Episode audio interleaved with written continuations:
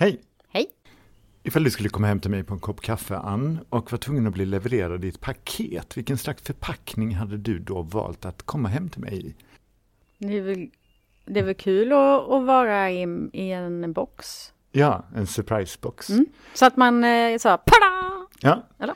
kul. Ja, eh, du förresten, vet du vad Ja. det här är? Nej. Det här är en riktigt sopig podd med Gustav Nilsson och Anja Lund. Avfallet är en podd som produceras av miljöföretaget Sysav. En lite smånördig miljöpodd för dig som gillar sopor.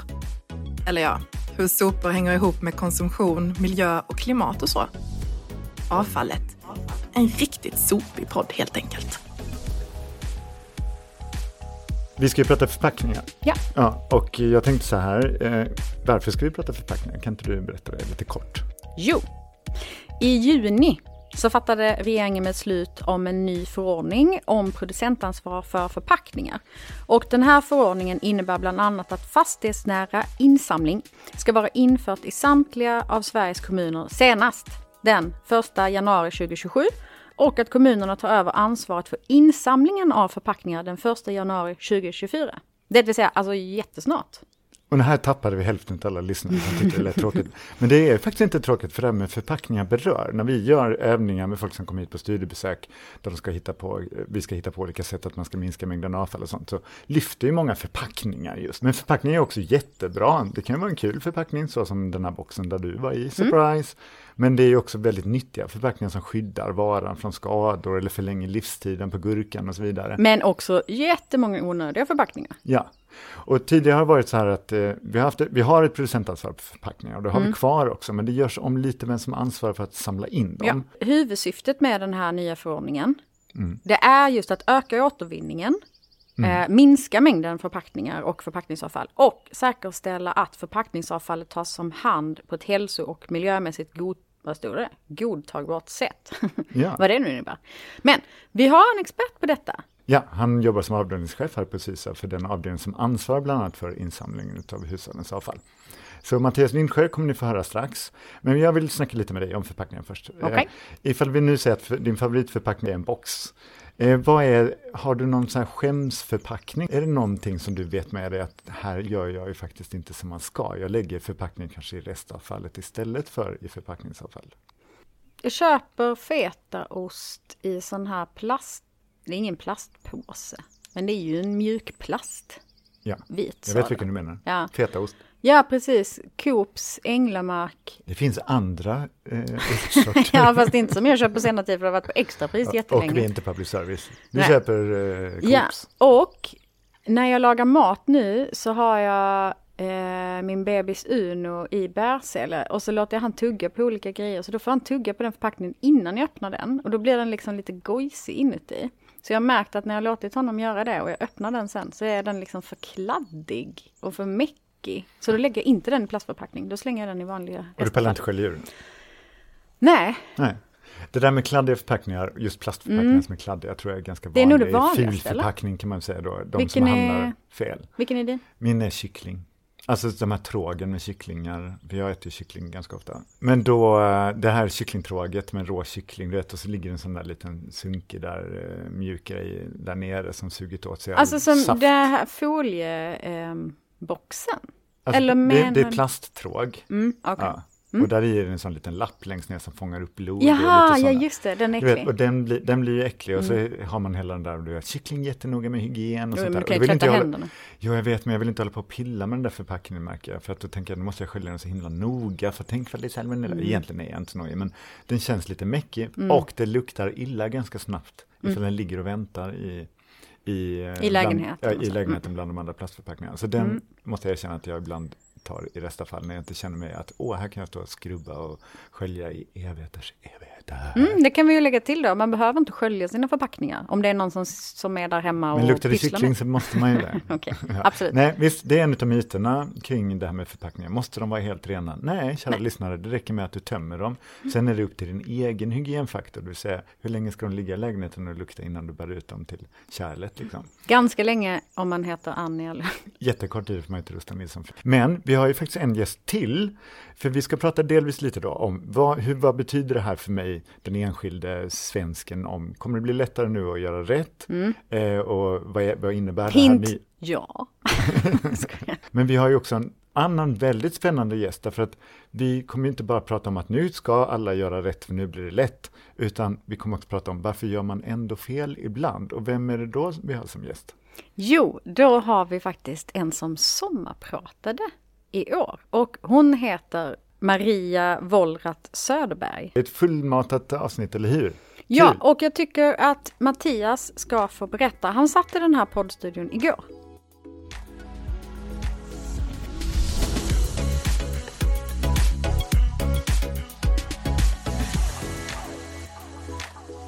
Hej och välkommen in i poddstugan Mattias Lindsjö, avdelningschef här på Sysav. Tack så mycket. Du, en stor snackis i avfallssvängen just nu är FNI. Berätta Mattias, ett, vad det betyder eller vad det står för och vad är det som händer? Eh, FNI står för fastighetsnära insamling och just nu är det väl då fokus på fastighetsnära insamling av förpackningar. Det som händer det är att eh, Sveriges alla kommuner från kommande årsskifte här tar över insamlingsansvaret av alla förpackningar från hushåll i Sverige. Och från 1 januari 2027 så ska det då finnas tillgång till just fastighetsnära insamling av alla förpackningar. Så alla hushåll i Sverige 2027 ska ha möjlighet att lämna sina förpackningar. Och hur ser det ut idag då? Har inte alla detta och varför inte? Eller varför ser det så olika ut? Eh, det ser olika ut på grund av att kommuner har valt olika insamlingssystem. Vissa har valt insamlingssystem som inkluderar den fastighetsnära insamlingen av förpackningar. Medan andra då har valt kanske att hålla sig till restavfall eller restavfall och matavfall. Och nu kommer det bli mer enhetligt och samma service överallt? Det kan ju bli, fortfarande bli olika insamlingssystem, men eh, lagstiftningen säger ju att de här förpackningarna ska samlas, eh, sorteras ut fastighetsnära. Så, eh, så ur det perspektivet så, så blir det ju mer enhetligt att alla kommer att ha den möjligheten. Mm. Och då blir det ju lättare att göra rätt. Men eh, spelar det någon roll då att sortera ut sina förpackningar? Det spelar absolut roll att, att sortera ut förpackningarna. Hamnar förpackningarna i restavfallet så, så hanterar vi dem på steget i avfallstrappan som, eh, som handlar om energiåtervinning och då eldar vi upp förpackningarna. Eh, genom att sortera ut dem och eh, lämna tillbaka dem till producenterna för materialåtervinning istället så kan vi nyttja de här förpackningarna under en längre tid. Så, och för att göra nya förpackningar av dem till exempel. Och de som redan har möjlighet att sortera ut i all oändlighet. Mm. Allt möjligt. Ja. Där kan det ju fortfarande bli fel, att en del förpackningar eller matavfall för den delen också hamnar i restavfallet. Absolut. Hur ska vi nå dem? Eh, ja, men vi når väl dem genom fortsatt information, eh, skapa insikt kring, eh, kring att det är viktigt att sortera ut det här materialet just för att ju renare flöden vi har, ju renare materialfraktioner vi kan lämna ifrån oss, desto bättre kan återvinningen också bli. Informera, kanske knuffa dem i rätt riktning på Knuffa dem i rätt riktning kan man naturligtvis göra genom uh, förändringar i befintliga insamlingssystem som vi, får, vi funderar på. Kan du ge ett exempel? Uh, man kan till exempel uh, låta restavfallet få lite mindre utrymme i, uh, i våra sopkärl eftersom vi ser att det fortfarande, då, trots att det finns en uh, stor uts goda utsorteringsmöjligheter, finns ganska mycket både matavfall och förpackningar i avfallet. Så ger vi restavfallet mindre utrymme i våra avfallskärl till förmån kanske för matavfall och förpackningar så, så gynnar vi ju den utsorteringen. Tack så hemskt mycket för att du ville vara med i podden.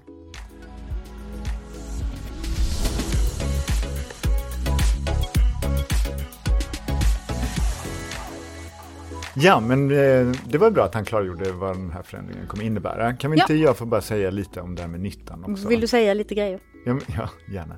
Det, kan jag prata i den här podden mm. kanske? Det är en ny idé. Prat, pratar du i den här podden? Jo, för att jag tycker att Mattias kom in på nyttan med att sortera, men jag vill bara slå fast lite grejer när jag googlade runt så här lönar sig att sortera. Mm. Och det kan ju vara lite självklart att ja, det gör det ju. Vi sparar ju på råvaror från naturen ju. Mm. Och det sparar massa energi, hurra!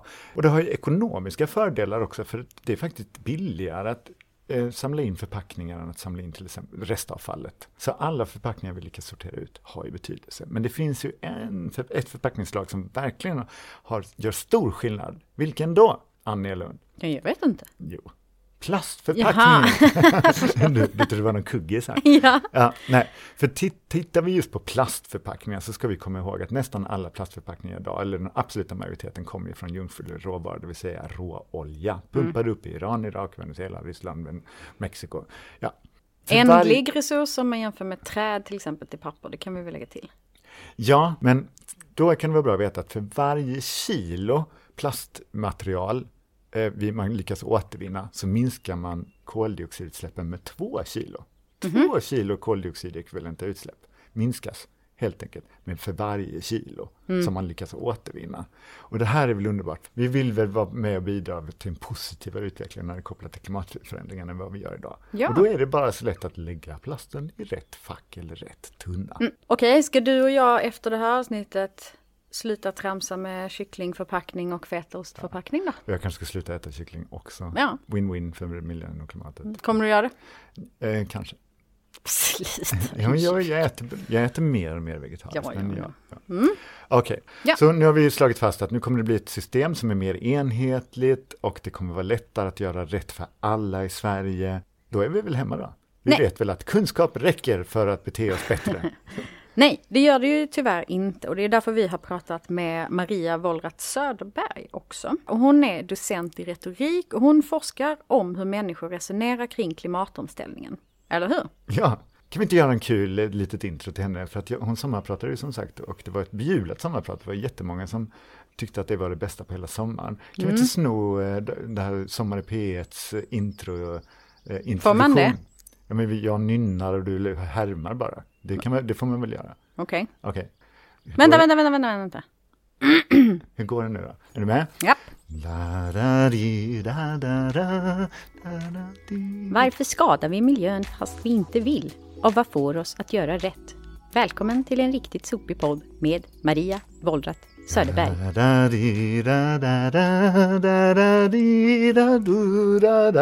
Det var ju på pricken Det var va? exakt.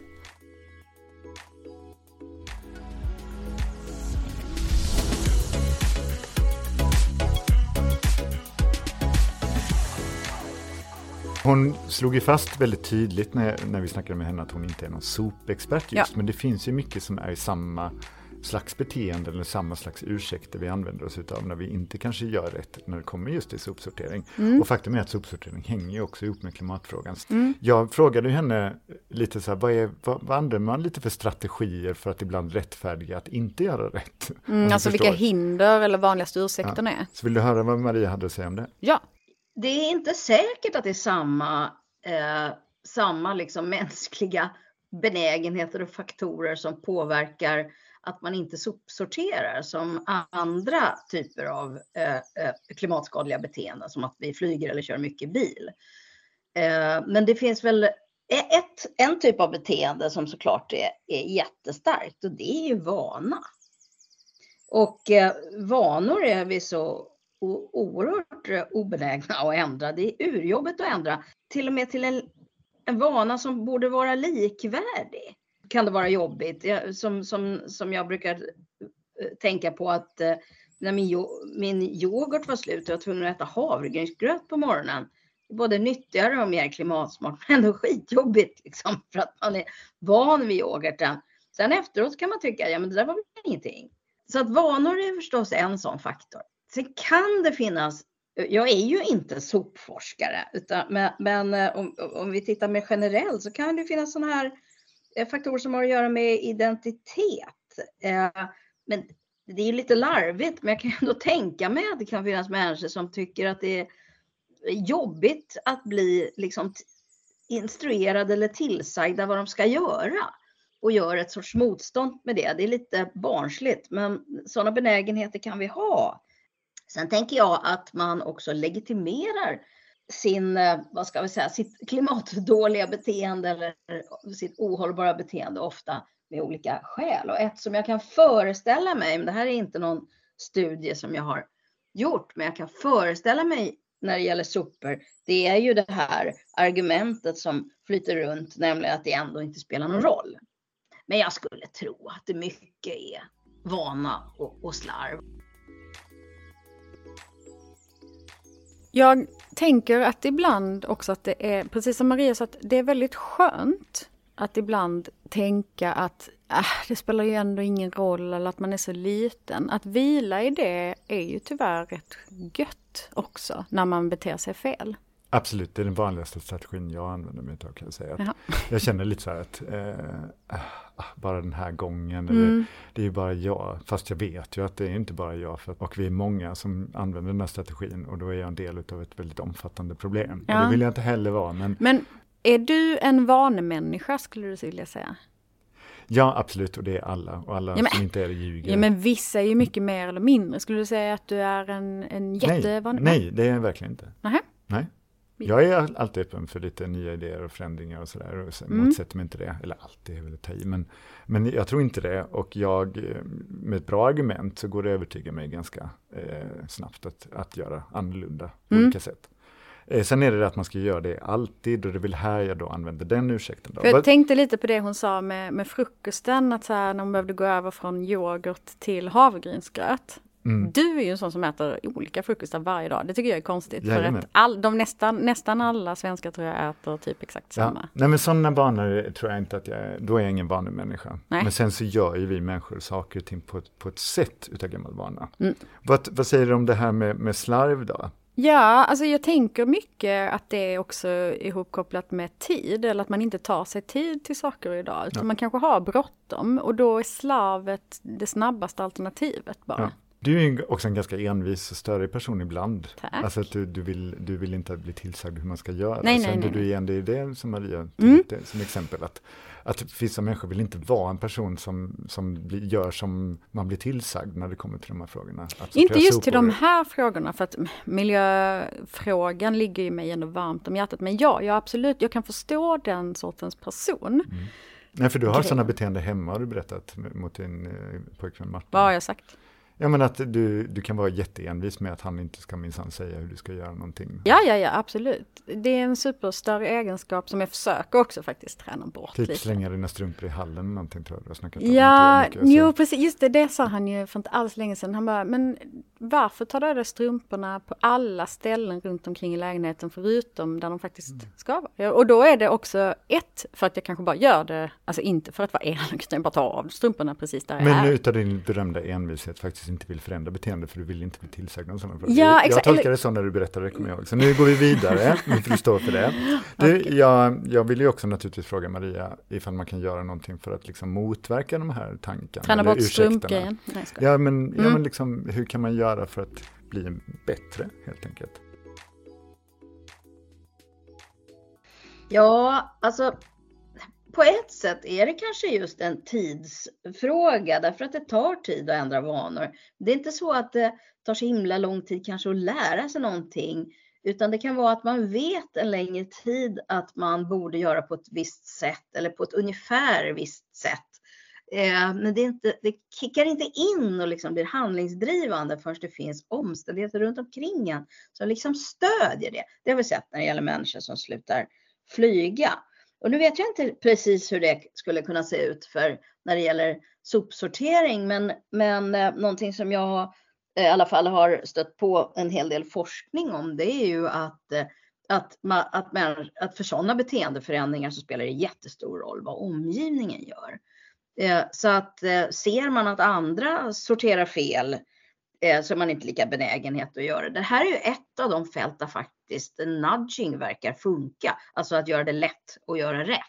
Och där också social nudging skulle man kunna kalla det, verkar funka. Om man får veta att grannar och, och vänner är noggranna och duktiga så tenderar det att påverka.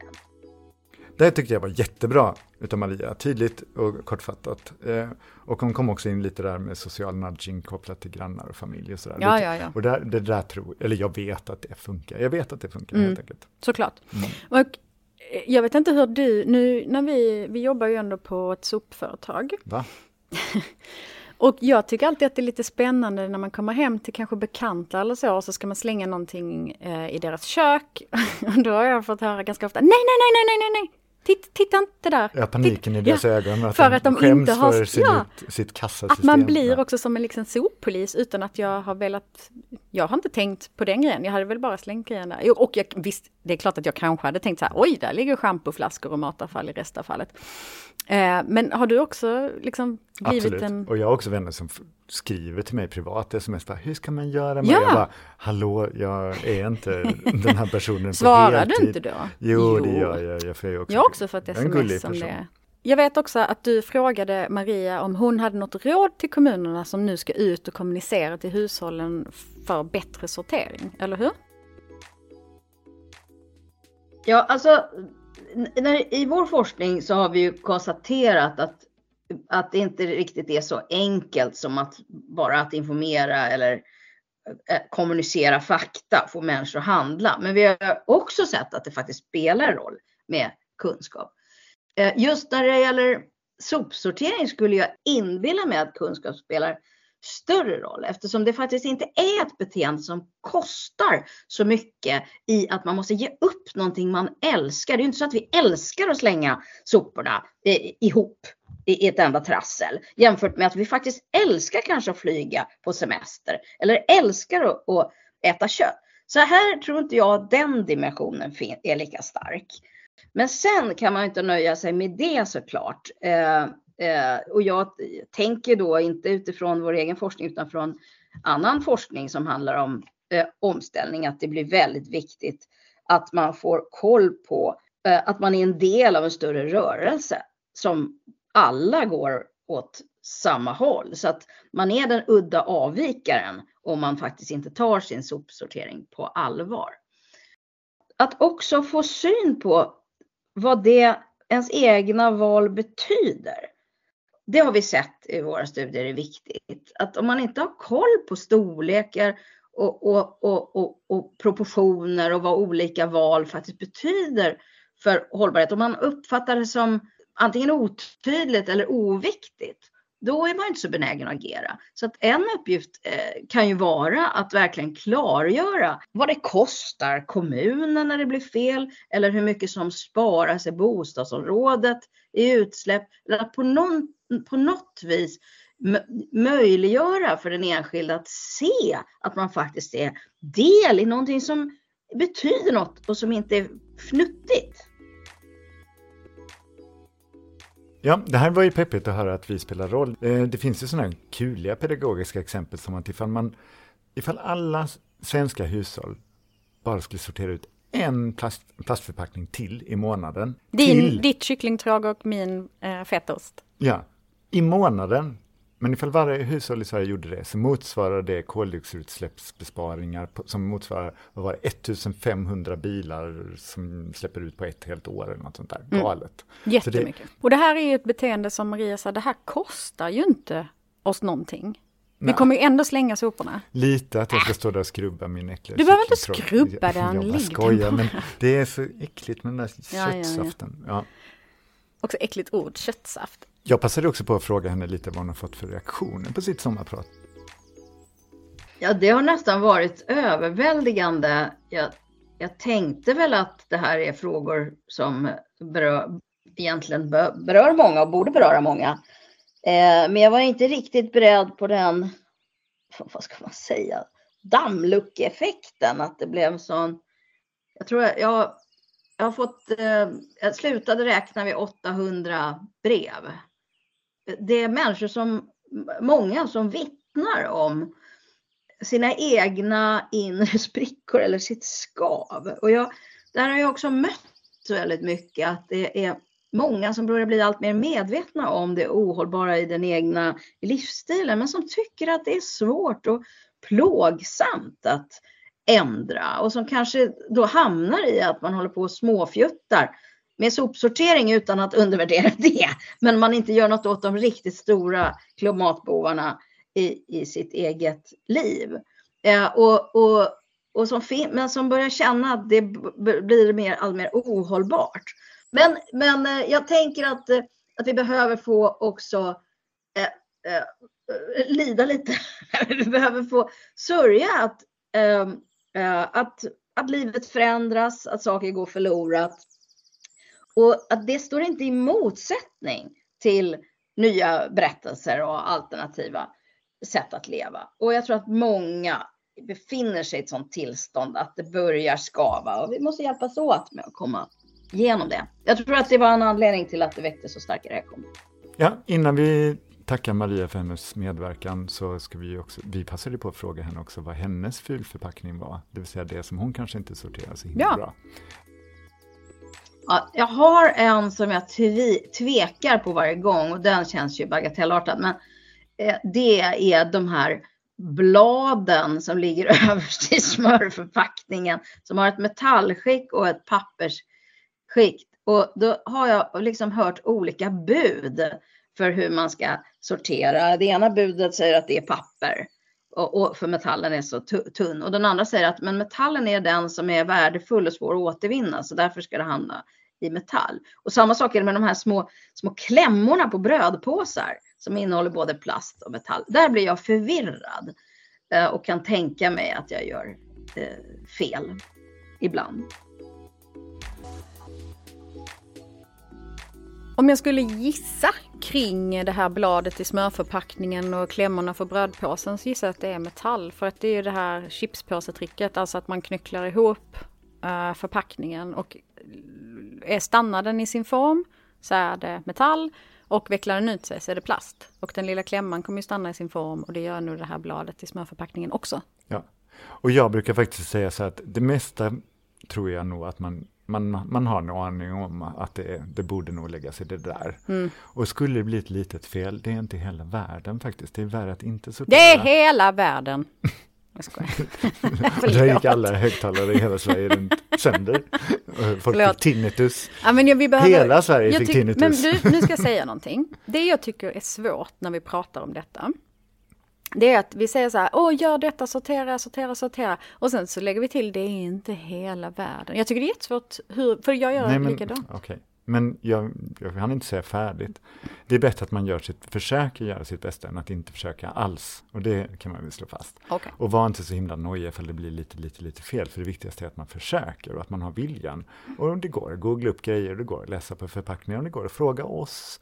Eh, har ni någon Mm. Ja. ful- fulförpackning vill dela med er av så lägg den på vårt Instakonto förresten. Vad heter Instakontot? En riktigt sopig podd. Och så kan man bikta sig om sin fulförpackning. Ja, in och bikta er. Ha, du, nu ska vi börja sy ihop den, det här avsnittet. Sy jag. ihop den här förpackningen. Ja. Och det är faktiskt så att vi har ju ganska länge haft Maria Lindmans hållbarhetstips, eller Marias hållbarhetstips, Ja. vår kollega, som inte är vår kollega längre. Nej, hon har övergett oss. Ja, så det här blev faktiskt det sista av Marias hållbarhetstips. Så vi kör det nu och sen avslut, avslutar vi med Minna istället. Brukar du lägga osten i en plastpåse i kylen? Köp en ostkupa på loppis istället så slipper du alla de där plastpåsarna. Plus att det ser extra fint ut på frukostbordet.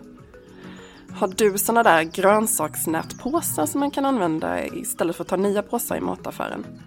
Tänk på att du också kan använda dem till annat. Till exempel när du packar frukt i en smutsig skolväska eller tar med kanelbullar på picknicken.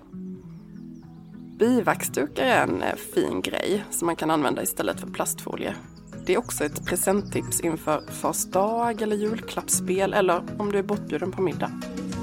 Ja, vi kommer sakna Maria, men Mm. ni behöver inte sakna Marias hållbarhetstips. Vi kommer samla ihop alla hennes tips som hon har gjort under de här åren Mm. som vi har poddat med henne, eller där hon har haft, sina tips med.